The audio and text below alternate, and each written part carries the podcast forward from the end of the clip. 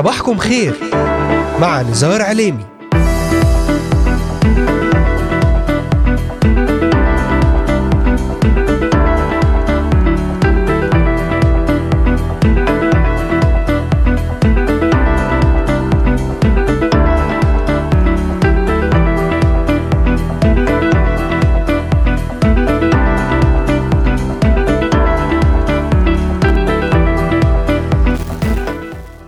الثاني والعشرون من شهر نوفمبر تشرين الثاني للعام 2023 المستمعات والمستمعون صباح الخير.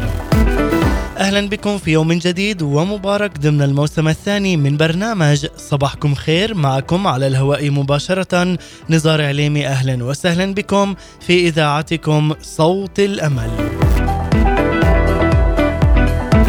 أرحب بمستمعينا من الأراضي المقدسة ومن بلدان الشرق الأوسط وشمال أفريقيا مستمعينا من سوريا لبنان مصر تركيا الأردن والعراق ليبيا اليمن السعودية والكويت ومستمعينا من أستراليا أمريكا ألمانيا كندا والسويد والذين يتواصلون معنا ويتابعوننا على مختلف منصاتنا الاجتماعية لإذاعة صوت الأمل. أذكركم أنكم تستطيعون الاستماع إلينا ومتابعتنا من خلال تحميل تطبيق إذاعة صوت الأمل على هواتفكم النقالة بعنوان Voice of Hope Middle East أو عن طريق مشاركتنا في قناتنا على اليوتيوب بالبحث عن إذاعة صوت الأمل في بث حي ومباشر.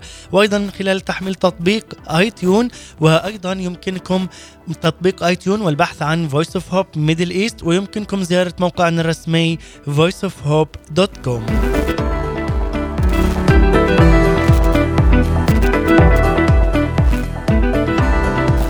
تابعونا على مدار هذه الساعة الصباحية ولأي سؤال أو استفسار تواصلوا معنا الآن وللتنويه تستطيعون الاستماع والعودة إلى جميع حلقات برنامج صباحكم خير وذلك من خلال متابعتنا على محرك البحث إذاعة صوت الأمل في كل من تطبيقات Anghami Spotify Deezer Amazon Music Apple Podcast و Pocket Cast Podbean Podcast.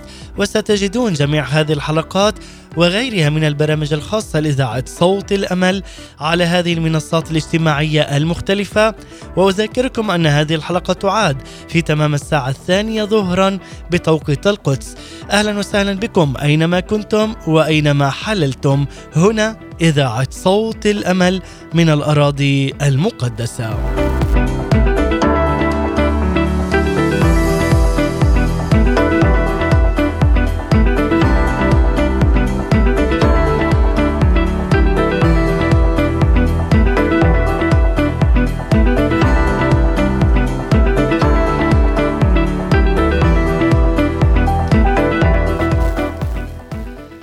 كل الكتاب المقدس هو موحى به من السيد الرب يسوع المسيح. هو نافع للتعليم والتوبيخ للتقويم والتأديب الذي في البر لكي يكون إنسان الله كاملا متأهبا لكل عمل صالح. إن سفر نشيد الأنشاد هو بكل يقين أحد أجزاء هذا الكتاب الموحى به من الرب والنافع أيضا للتعليم. وكل مسيحي حقيقي هو في حاجة مستمرة وبشكل يومي إلى التعليم والاستفادة من الكتاب المقدس أي الإنجيل الخبر الصار. إلا أن هذا لا يتعارض أبدا مع الحقيقة الواضحة وهي أن سفر النشيد هو كغيره من أسفار العهد القديم نبوي مليء برسائل نبوية سماوية من العريس الحبيب يسوع المسيح لعروسه الكنيسة المفدية وللمؤمنين كون أن اسفار العهد القديم النبوية جميعها تدور بكيفية مباشرة حول معاملات السيد الرب يسوع المسيح مع كنيسته لرفعتها الروحية فهو العريس الحبيب والكنيسة عروسه الحبيبة والتي تعلن عن اسمه بكل قداسة ووقار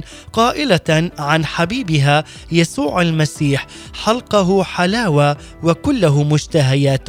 هذا حبيبي وهذا خليلي يا بنات أورشليم.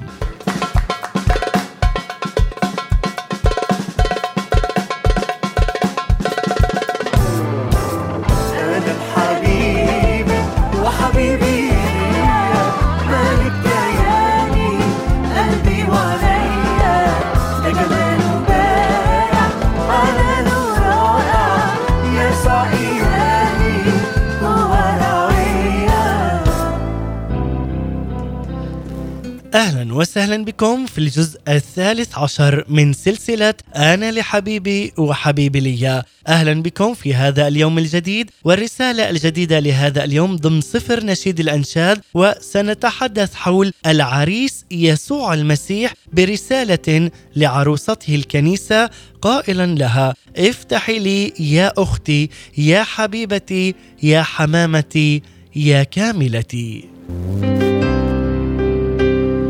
وترتكز رسالتنا في هذا اليوم على عدة آيات من الكتاب المقدس وخاصة من سفر نشيد الأنشاد الذي هو محور هذه الرسالة وذلك من خلال هذه السلسلة بعنوان أنا لحبيبي وحبيبي لي وذلك بعد أن انطلقنا معا بأجزائها المتتالية وصولا إلى الجزء الحادي عشر وتحدثنا آنذاك حول نشيد الأنشاد هو سفر العشق الإلهي للتمتع بالشركة الروحية. الروحية المقدسة. وتطرقنا فيما بعد إلى الإصحاح الرابع بآياته من الآية التاسعة حتى الآية الثانية عشر حول عشق ومحبة السيد الرب يسوع المسيح له كل المجد للإنسان ولكنيسته المصلية والخاضعة لاسمه القدوس. أما في الجزء الثاني عشر قد اختتمنا معا الإصحاح الرابع من الآية الثالثة عشر حتى الآية السادسة عشر من سفر نشيد الأنشاد في الكتاب المقدس وتحدثنا حول سفر نشيد الأنشاد يستخدم وصف لأفخر العطور والأثمار لحضور الرب يسوع في مكان العبادة وحياة المؤمن. أما اليوم في الجزء الثالث عشر من سلسلة أنا لحبيبي وحبيبي لي نتحدث اليوم ضمن الإصحاح الخامس بآياته الأولى من سفر نشيد الأنشاد حول العريس يسوع المسيح برسالة لعروسته الكنيسة قائلا لها افتحي لي يا حبيبتي يا أختي يا حمامتي يا كاملتي. أحبائي المستمعين علما أنه ولمن انضم إلينا الآن في الجزء الثالث عشر. أشجعك عز المستمع لمتابعة الأجزاء الأولى لكي تفهم وتتعمق معنا خطوة بخطوة حول سفر نشيد الأنشاد كونه هو أحد الأصفار الشعرية القانونية في العهد القديم. علما أن هذا السفر قد واجه أيضا العديد من التحديات والهجومات التي تحدثنا عنها سابقا والتي كانت موجهة ضد الكتاب المقدس بشكل عام وضد سفر نشيد الأنشاد بشكل خاص. لكي نجيب معا ضمن هذه السلسلة على عدة تساؤلات قد وصلتنا من بعض المستمعين حول هذا السفر المقدس. لذلك أدعوك عز المستمع لتكون معنا وتتمتع بهذه الرحلة السماوية الجديدة لحياتك الروحية بمنظور جديد كي نتعمق وندرس معا سفر نشيد الأنشاد المكون من ثمانية إصحاحات في العهد القديم من الكتاب المقدس لكاتبها الملك سليمان الحكيم. كما وسنكمل بالاستماع من خلال هذه السلسلة لبعض الآراء والأفكار على الهواء مباشرة من مختلف بلدان الشرق الأوسط والأراضي المقدسة. بالإضافة أننا نختار لكم كما عودناكم في كل حلقة جديدة شخصية قيادية روحية لتجيب على فقرة سؤال جواب على سفر نشيد الأنشاد. أهلا وسهلا بكم أحباء المستمعين والمتابعين أينما كنتم وأينما حللتم. هنا إذاعة صوت الأمل وننطلق مع الجزء الثالث عشر من سلسلة أنا لحبيبي وحبيبي لي. والآن أحبائي نقرأ معا من سفر نشيد الأنشاد بداية الإصحاح الخامس الآية الأولى والآية الثانية تقول قد دخلت جنتي يا أختي العروس قطفت مري مع طيبي أكلت شهدي مع عسلي شربت خمري مع لبني كلوا أيها الأصحاب اشربوا واسكروا أيها الأحباء. أما في الآية الثانية يقول أنا نائمة وقلبي مستيقظ صوت حبيبي قارعا. افتحي لي يا أختي يا حبيبتي يا حمامتي يا كاملتي لأن رأسي امتلأ من الطل وقصصي من ندى الليل. نعم أحبائي المستمعين ما أجمل هذه الكلمات عندما نقرأها بقوة الروح القدس وبإرشاده لنا. قد دخلت جنتي يا أختي العروس. هذا هو جواب العريس على دعوة عروسه التي وجهتها إليه في ختام الإصحاح السابق أي الإصحاح الرابع ليأتي حبيبي إلى جنته ويأكل ثمره النفيس. وكم هو جميل وملذ لقلب الرب أن يجد من شعبه ترحيبا محبا بهذه الصفات. ولذا فهو على الفور وبدون أي تردد يلبي هذه الدعوة. ويجيب عليها بالقول قد دخلت جنتي يا أختي العروس.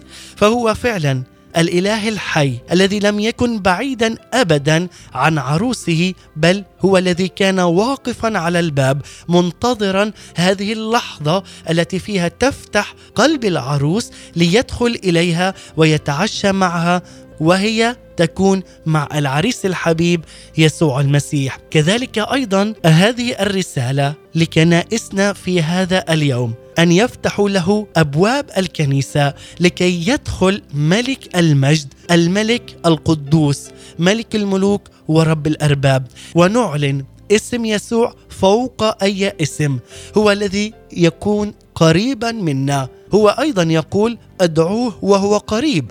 هو السيد الرب يسوع المسيح الذي هو قريب لكل من يدعوه من كل القلب. يدعوني فأستجيب له يقول السيد الرب. تعال اليوم وادعوا السيد الرب يسوع المسيح أن يأتي ويدخل لحياتك. يأتي ويدخل لبيتك. يدخل ويأتي أيضا لكنيستك. تعال اليوم بدعوة سماوية واحدة موحدة كما جسد المسيح الواحد أن نقول هو هذا العريس أن نرحب به ونفتح له أبواب قلوبنا وكنائسنا وبيوتنا لكي يدخل ويملأنا بالبركة بالحماية ويملأنا أيضا بالرفعة والقداسة. هذا هو الذي يسمع الصلاة. هو العريس الحبيب رب المجد يسوع المسيح.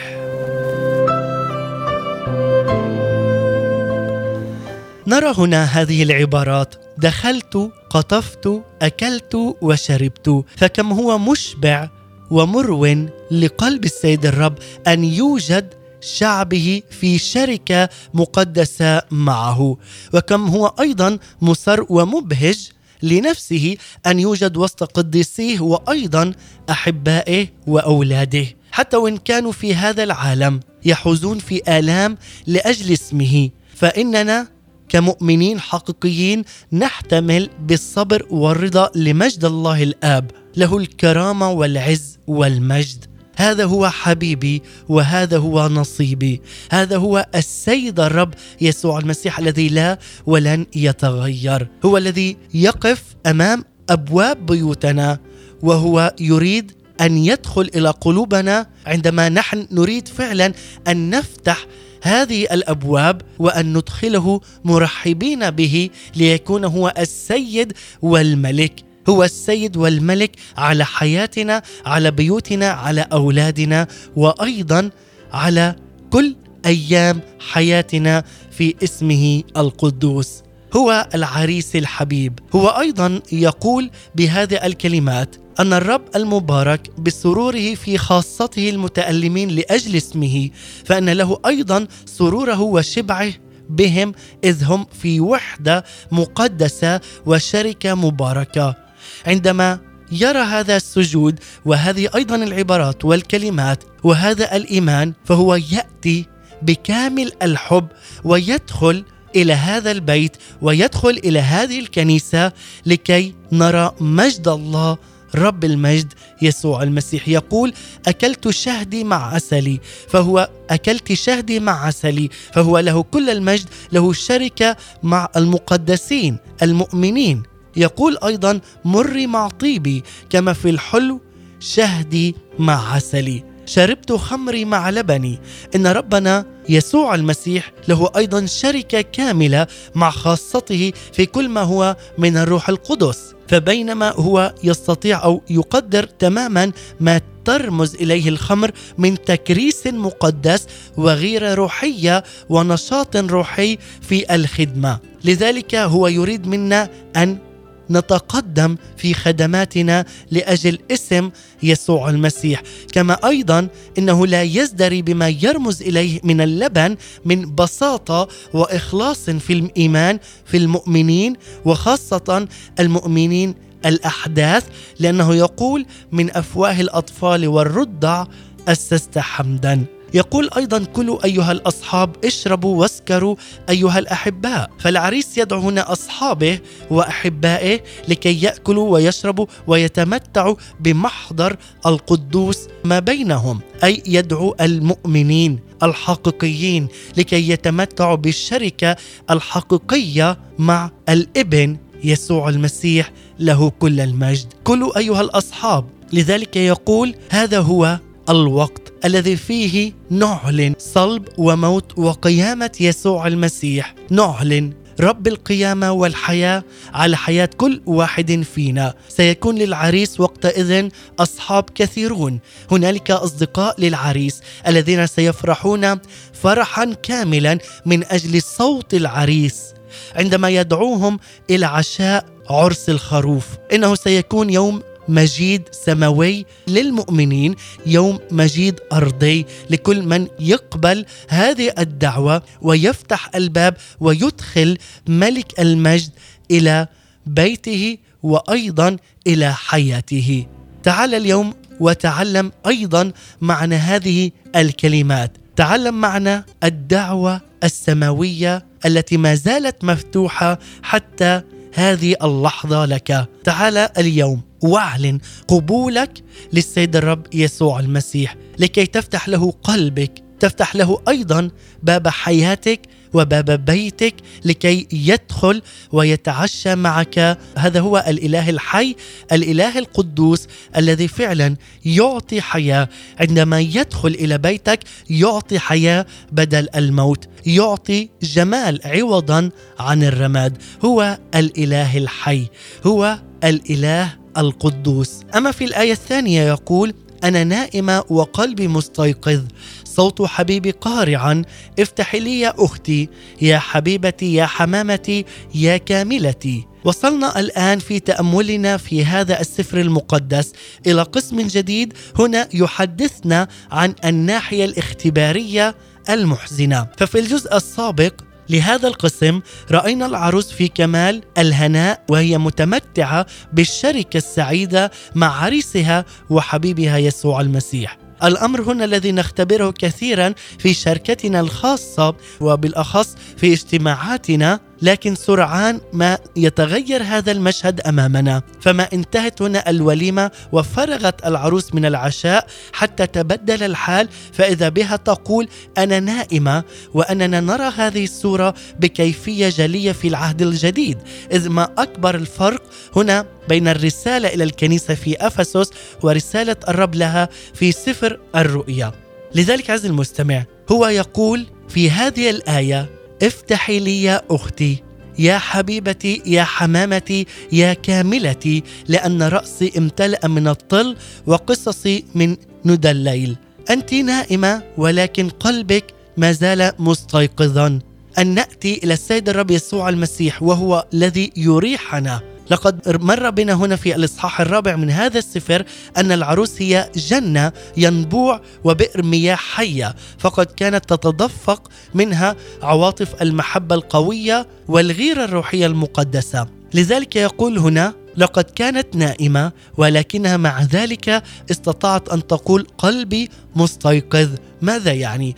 أن الرب هنا لم يزل حبيبها الذي لا زالت تميز صوته الحبيب صوت حبيبي قارعا ولا زالت لديها أيضا بقية من هذه العواطف الصادقة من نحو العريس. إنها لا ترى هنا في حالة شر أو دنس ولكنها مع ذلك فقدت قوتها الروحية ونشاطها الروحي. لذلك تقول أنا نائمة ولكن قلبي مستيقظ. أنا في حالة قلق وعدم اطمئنان.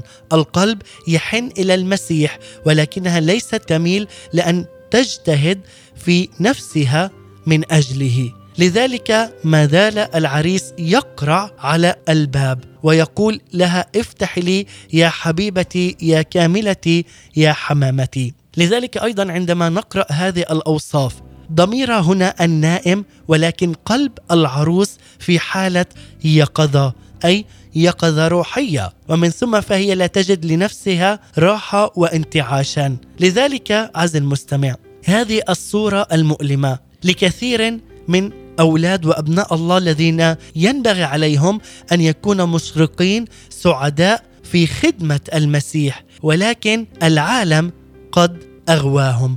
لذلك علينا أن نكون ثابتين في هذا الإيمان برب المجد يسوع المسيح ونعلن البركة والحياة.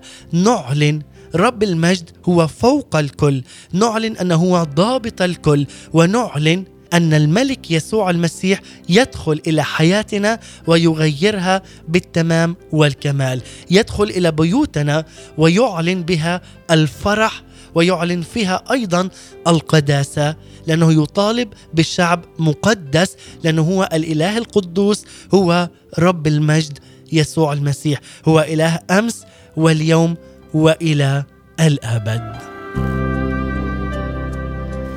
قبل أن نكمل معا في الآية الثالثة والرابعة. دعونا الآن ننتقل لفقرة سؤال جواب على سفر نشيد الأنشاد واليوم نكمل مع خدام الرب المباركين الأخ عياد ظريف والدكتور فريد زكي. وماذا قال عن سفر نشيد الأنشاد في أولى آيات الإصحاح الخامس؟ دعونا نستمع ومن ثم نعود.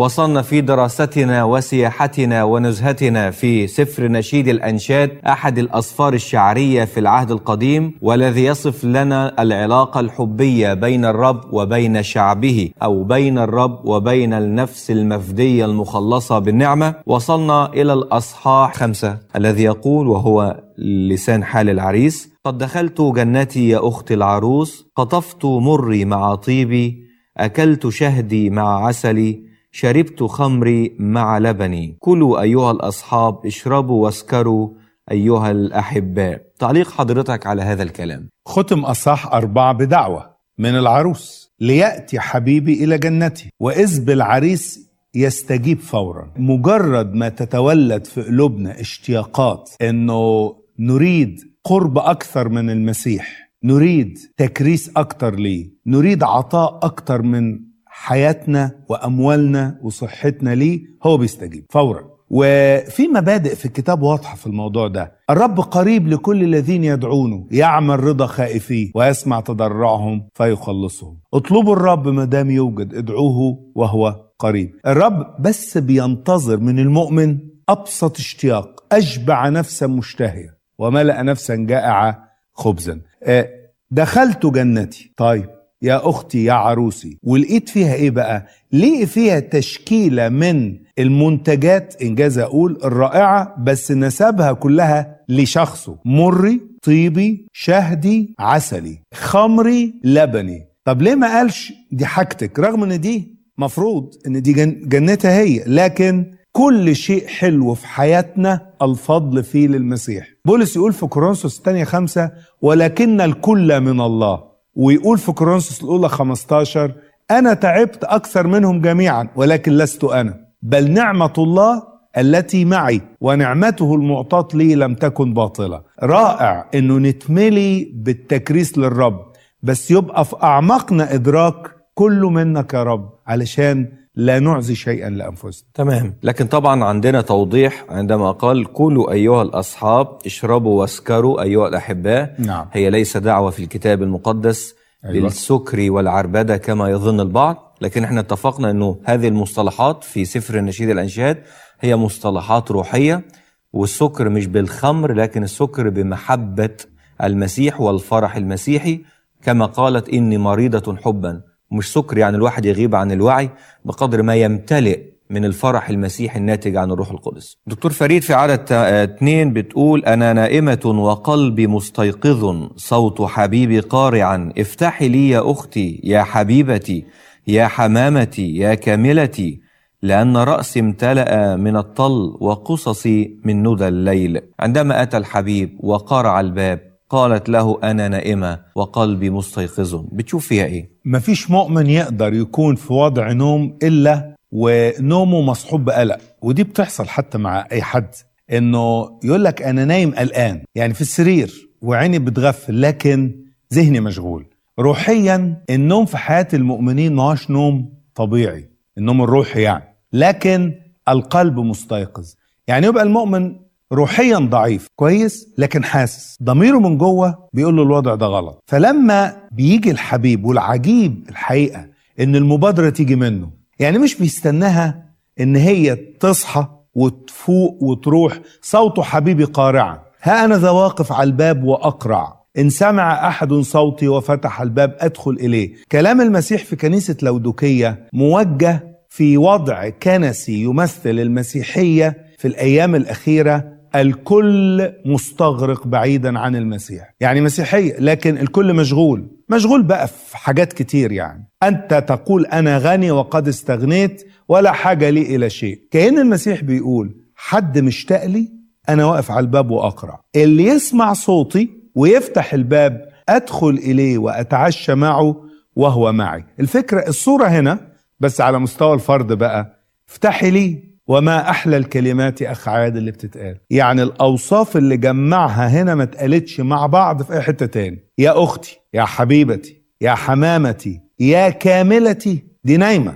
لكن نقول إيه على مشاعر المسيح لينا ولكل واحد مننا؟ يعني ده موضوع ملهوش رد غير هو محبته كده. فعلا بنبقى نايمين ومش مقدرينه لكن هو شايفنا وبيقول ذات الكلمات حبيبتي حمامتي تمام. كاملتي. بس لفت نظري إنه بيقول كأني واقف على الباب رأسي امتلأ من الطل وقصصي من ندى الليل لغاية الصباح من بالليل لغاية الصباح لما لغايه ال... الندى عمال ينزل. لغاية الندم عمال ينزل. قد. إيه باله طويل ومش باله عايز يعني يغادر ومش عايز يقتحم وباله طويل الليل كله عمال يخبط علشان تمام. يستحث مشاعرها. بالظبط.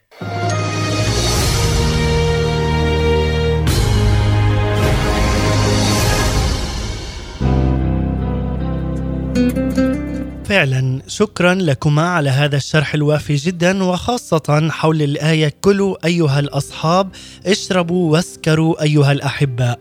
علينا أن نعرف جيدا وأن نصحح كل الأفكار المغلوطة بحق هذه الآية كونها ليست دعوة للسكر والعربدة كونها مرتبطة بالخمر كما يظن البعض والذي يكون تفكيره جسديا وليس روحيا. بل القصد هنا الامتلاء بالروح بروح الوداعة والمحبة كما بمحبة المسيح وبفرح العريس عند رجوع وقدوم عروسه أي الكنيسة والمؤمنين إلى حضن السيد الرب يسوع المسيح له كل المجد. والآن أحباء المستمعين قبل أن نكمل في الآية الثالثة والرابعة دعونا نخرج إلى فاصل قصير ونستمع معا إلى هذه الترنيمة الرائعة والمباركة مع المرنمة ثمار زنانيري ترنيمة سمعني. نستمع ومن ثم نعود. يا رب أنت أمس واليوم وإلى الأبد. أنت الغافر الشافي القادر على كل إشي.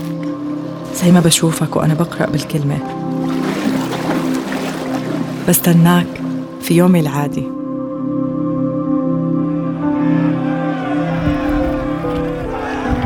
سمعني دقة قلبك غني لي أغاني في حبك ورجيني مشهد مجدك خليني أعيش.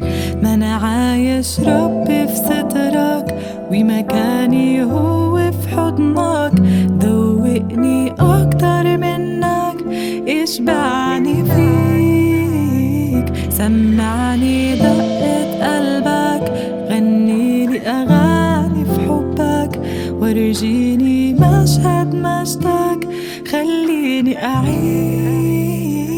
ما أنا عايش ربي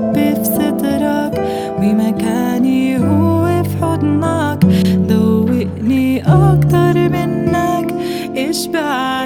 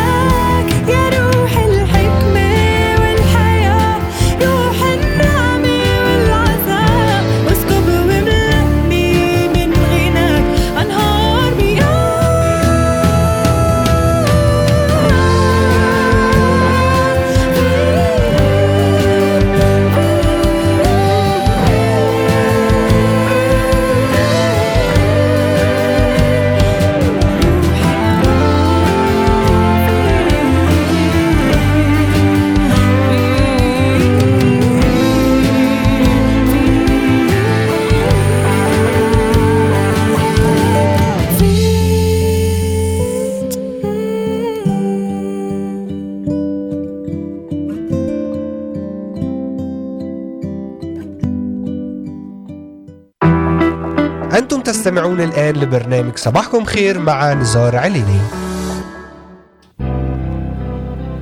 عودة من جديد لكم أحباء المستمعين والمتابعين. بعد أن استمعنا واستمتعنا بهذه الكلمات مع هذه الترنيمة. سمعني دقة قلبك مع المرنمة ثمار زنانيري.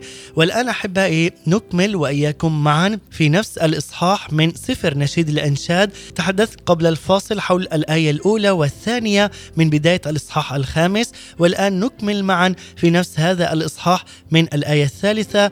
يقول هنا لنا قد خلعت ثوبي فكيف ألبسه؟ قد غسلت رجلي فكيف أوسخهما؟ حبيبي مد يده من الكوة فأنت عليه أحشائي. جاءت هنا كلمة الكوة في بعض الترجمات بمعنى فتحة الباب. وأيضا يكمل في بداية الآية الخامسة ويقول قمت لأفتح لحبيبي ويدي تقطران مرا وأصابعي مر قاطر على مقبض القفل. يرينا هنا محبة العريس الصابرة والعجيبة أي محبة رب المجد يسوع المسيح والتي لا حد منها تقابلها العروس النائمة بعدم اكتراث. وتقدم أمامها هذه الأعذار وتقول قد خلعت ثوبي فكيف ألبسه؟ وتقدم أيضا هذا العذر والتي تقول قد غسلت رجلي فكيف أوسخهما؟ لقد انعدم إحساس العروس بمطالب مسيحها سيدها وعريسها الحبيب وذلك لسكوتها ولترك محبتها الأولى. هذه هي الخطية وما أردأها وما اردا نتائجها. فإذ ما تهاون المؤمن وابتعد عن حضرة الرب فهل نستطيع أن نتصور معا ونتخيل إلى أي حد يكون هذا الابتعاد عن محضر الله؟ إن مجرد فقط التأمل أو التفكير في هذا المسلك الضال جدا وفي نتائجه يملأ النفس حزنا ورعبا روحيا. من منا لا يتألم حين يرى نفسه أو يرى بعض المؤمنين الآخرين وهو في كامل نشاطه الروحي ولكن في فترة ما يتوقف هذا النشاط بعد أن كان قبلا حارا في روحه حازما ونشيطا في عواطفه وفي نضارة المحبة للمسيح. قديسا كان يرى مبكرا في كل اجتماعات المؤمنين متهللا بالروح وكل كلامه عن رب المجد يسوع المسيح. يكون يقطر من أعماق قلبه كزيت الفرح والابتهاج. وإذا ما عاد من الاجتماع فانما لكي يتأمل في الحقائق الروحية التي تعلمها ويتمتع بشركة عميقة مع السيد الرب. ليتنا نوجد في هذه الحالة السامية وأن لا نتحول عنها بل أن نبقى في المجد وفي الرفعة وفي محضر الإله لبركة نفوسنا وأرواحنا. لذلك عز المستمع لقد مر بنا كيف أنه لا صوت الحبيب الذي ميزته هنا العروس ولا قرعة الباب الذي سمعته كان كافيين لكي ينهضها وذلك لفتور إيمانها فإنه كثيرا ما يسمع صوت الرب قرعته على الباب باب القلب في أي خدمة. ولكن حالة الاسترخاء الروحي والفتور الروحي تكون حائلا دون نهوض النفس لكي تستعيد كامل النشاط وكامل القوة في اسم رب المجد يسوع المسيح. ولكن عندما يمد الحبيب يده من الكوى أي من فتحة الباب ترى النفس صورة جديدة أكثر وضوحا لمحبة العريس لعروسه. محبة العريس يسوع المسيح للمؤمنين ومحبته أيضا لكنيسته. لقد سمعت العروس صوته وقرعه على الباب قبلا إلا أنه لم يكن مائلا أمامها. ولكن عندما مد يده فإنه لم يسمعها صوته فقط بل إظهار لها ذاته. وهذا فعلا ما حرك بعواطفها للعروس. إذ ليس شيء يستطيع أن ينهض أن ينهض هذه النفس وينتشلها من سقوطها وفشلها إلا فقط محضر الرب إلا أن نرى هذا الحضور الإلهي في حياتنا ومجد السيد الرب يسوع المسيح في كنائسنا وفي بيوتنا بكل قداسة ووقار. إنها رأت هنا يده فتغيرت حالتها. فقالت فأنت عليه أحشائي. لقد كان التلاميذ أيضا يذكرن هذا في حالة الرعب والخوف ولكن إذ ظهر الرب لهم وأراهم يديه وجنبه ففرح التلاميذ إذ رأوا الرب بعد قيامته. وهو يعرف حالة القلب كما يعرف ما يحركه ويحوله إليه مباشرة. أفلا يفحص الله عن هذا؟ لأنه هو يعرف خفيات القلب لكي يصل بها إلى ضمائرنا فندرك حالتنا وأين نحن في محضر الإله. ومن ثم هنا تنتصر النعمة الإلهية فتقوم النفس البشرية وتطلب وتتمسك وتتعلق بعريسها الإله الحي رب المجد يسوع المسيح. ومن ثم تسعى ورائه بكل بركة ورفعة روحية لكي يملأ حضور الله القدوس النفس ابتهاجا ومجدا كما علينا المؤمنين باسمه القدوس كذلك أيضا على كنائسنا التي تنقاد بقوة وعمل وإرشاد الروح القدس.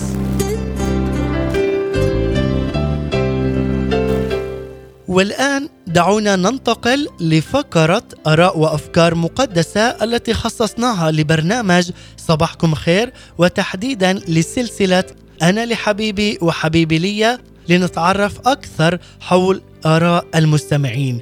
واليوم نكون مع خادم الرب القس الفاضل رضوان شحادي من مدينة البشارة الناصرة في الأراضي المقدسة لنستمع إلى ما قاله وما يعني له سفر نشيد الأنشاد. أما الآن نستمع لفقرة آراء وأفكار مقدسة ضمن برنامج صباحكم خير مع نزار عليمي.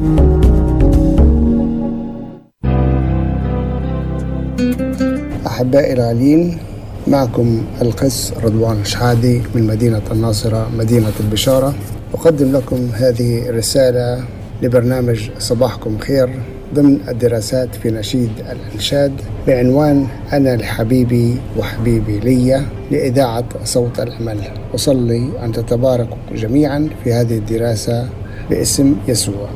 أحبائي شعب الرب المحبوبين على قلب يسوع أشارككم في هذا المقطع القصير عن دراساتي البسيطة والقليلة بسفر نشيد الإنشاد. أريد أن أتطرق لبعض تفاسير والإيضاحات. سفر نشيد الأنشاد الذي كتبه الملك سليمان كتب باللغة العبرية القديمة وهذا شعر. وبالعبرية يقال عنه شير هشريم نشيد الأنشاد أو النشيد المنشود. وجرت العادة أن في هذا السفر يقرأ في الكنيس في لقائهم في كل سبت خاصة اليهود الشرقيين. يقرؤونه تقريبا كل يوم جمعة كل يوم جمعة يقرؤون بعض الأعداد بل يرنمون هذه الأعداد ويرتلون هذه الأعداد. أما باقي اليهود الأشكناز الأوروبيين فجرت العادة أن يقرأوا من هذا السفر في أيام ما بين الفصح الأول والفصح الثاني وأحيانا في السبت الأول ما بعد رأس السنة. هذا السفر هو غني غني بالرموز غني بالعبارات غني بالمعاني غني بالأمور التي لم نفهمها إن لم نرشد أو نطلب روح الرب ليفهمنا. يقول في سفر نشيد الانشاد والإصحاح الخامس قد دخلت جنتي يا أختي العروس قطفت مري مع طيبي أكلت شهدي مع عسلي شربت خمري مع لبني كلوا أيها الأصحاب اشربوا واسكروا أيها الأحباء. أنا نائمة وقلبي مستيقظ صوت حبيبي فارغا قارعا. افتحي لي يا أختي يا حبيبتي يا حمامتي يا كاملتي لأن رأسي امتلأ الطل وقصص من ندى الليل. وهنا يسترسل في هذا السفر الحوار بين الحبيبة والتي هنا ترمز إلى عروس المسيح الكنيسة وإلى الحبيب الذي هو يسوع الله المتجسد. بالعدد الخمسة يقول قمت لأفتح لحبيبي يداي تقطران مرا وأصابع مر قاطرة على مقبض القفل. العروس كانت تتجهز تتهيأ مرا وطيبا وعطرا لتهيئ نفسها لأجل العريس. فتقوم فتقول فتحت لحبيبي لكن حبيبي تحول وعبر. نفسي خرجت عندما ادبر. طلبته فما وجدته دعوته فما أجابني. كأنه يقول هنا في هذا الشعر أنه دار ظهره عن العروس تحول عن العروس وخرجت العروس لتبحث عن العريس عن الحبيب والعدد سبعة وتقول وجدني الحرس الطائف في المدينة ضربوني جرحوني حفظت الأسوار رفعوا أزاري عني.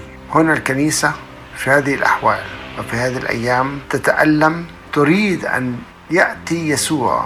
تريد أن ترى يسوع.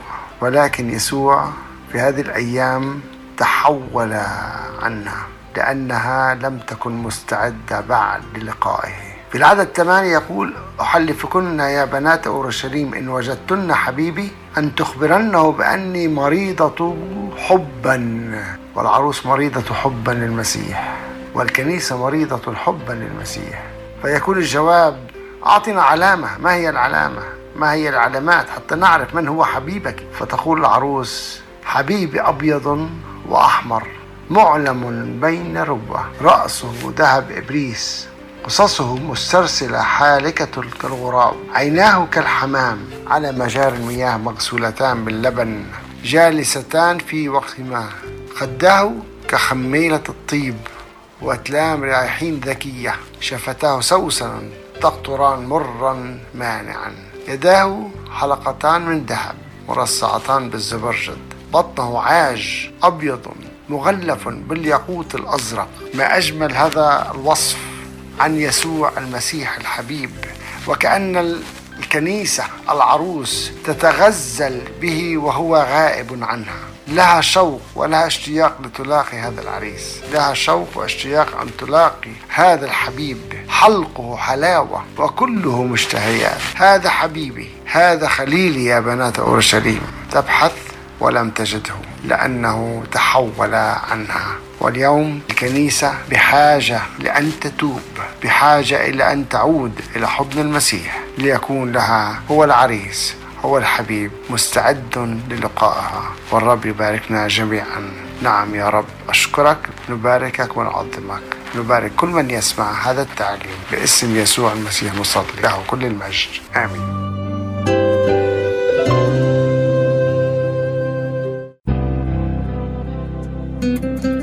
فعلا أسس رضوان شحادر ربي يباركك على هذه الكلمات المشجعة والمعزية ومشاركتك معنا ضمن سلسلة أنا لحبيبي وحبيبي لي وأنا أختتم معكم بهذه الكلمات وأقول ما أجمل إلهنا الحي الذي يكلمنا من خلال عمل وقوة الروح القدس العامل فينا بقوة المحبة الإلهية للإنسان. فيقول السيد الرب مالك السماوات والأرض لشعبه ولكنيسته المفدية. وأخطبك لنفسي إلى الأبد. وأخطبك لنفسي بالعدل والحق والإحسان والمراحم. أخطبك لنفسي بالأمانة فتعرفين الرب. وأيضا يقول من أجل صهيون لا أسكت ومن أجل أورشليم لا أهدأ حتى يخرج قضياء وخلاصها كمصباح يتقد وتكونين إكليل جمال بيد الرب. وتاجا ملكيا بكف إلهك وكفرح العريس بالعروس يفرح بك إلهك. هذه الآيات من الكتاب المقدس تتفق روحيا بمعناها مع المؤمنين والكنيسة لكي يكونوا جسدا واحدا في المسيح يسوع. لندعو الرب معا يهوى القدوس رجلي أي زوجي وليس بعلي أي سيدي الرب. هذا بلا شك هو مفتاح سفر نشيد الأنشاد. وهذه هي الوحدة التي يتكلم عنها هذا السفر المقدس وكلمات الحب والعاطفة المتبادلة بين المسيح الحي وكنيسته المصلية المفدية التي سيؤتي بها للبركة والنصر والمجد. علما أن هذا الحب المذكور والمتبادل كعريس بعروسه هو تصوير روحي ومعنوي لعلاقة المحبة المقدسة الطاهرة بين الرب وخاصته أي نحن والكنيسة. فقد تنازل من أعلى سماه ليقرب كنيسته ومؤمنيه أي خاصته إليه ليلصقهم بنفسه كعروس له كونه هو العريس والفادي الحبيب رب المجد يسوع المسيح.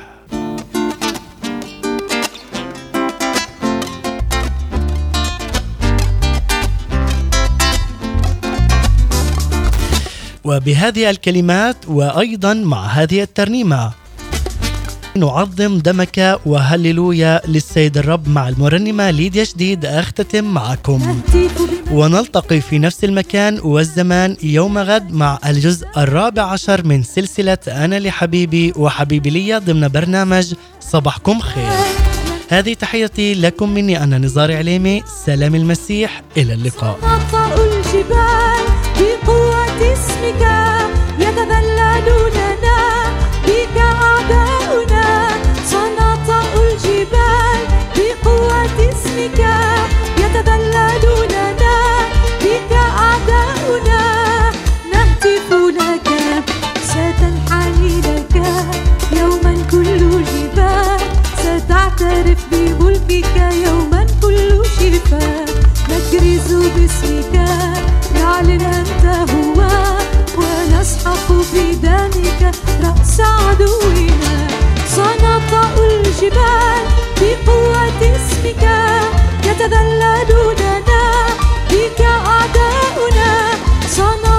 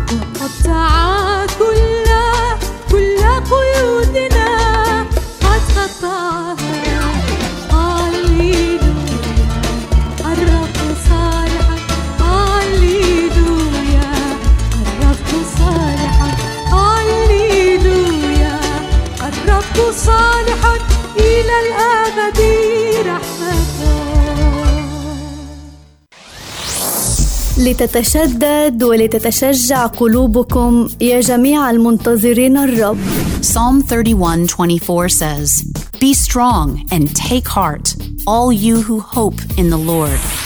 إذاعة صوت الأمل The Voice of Hope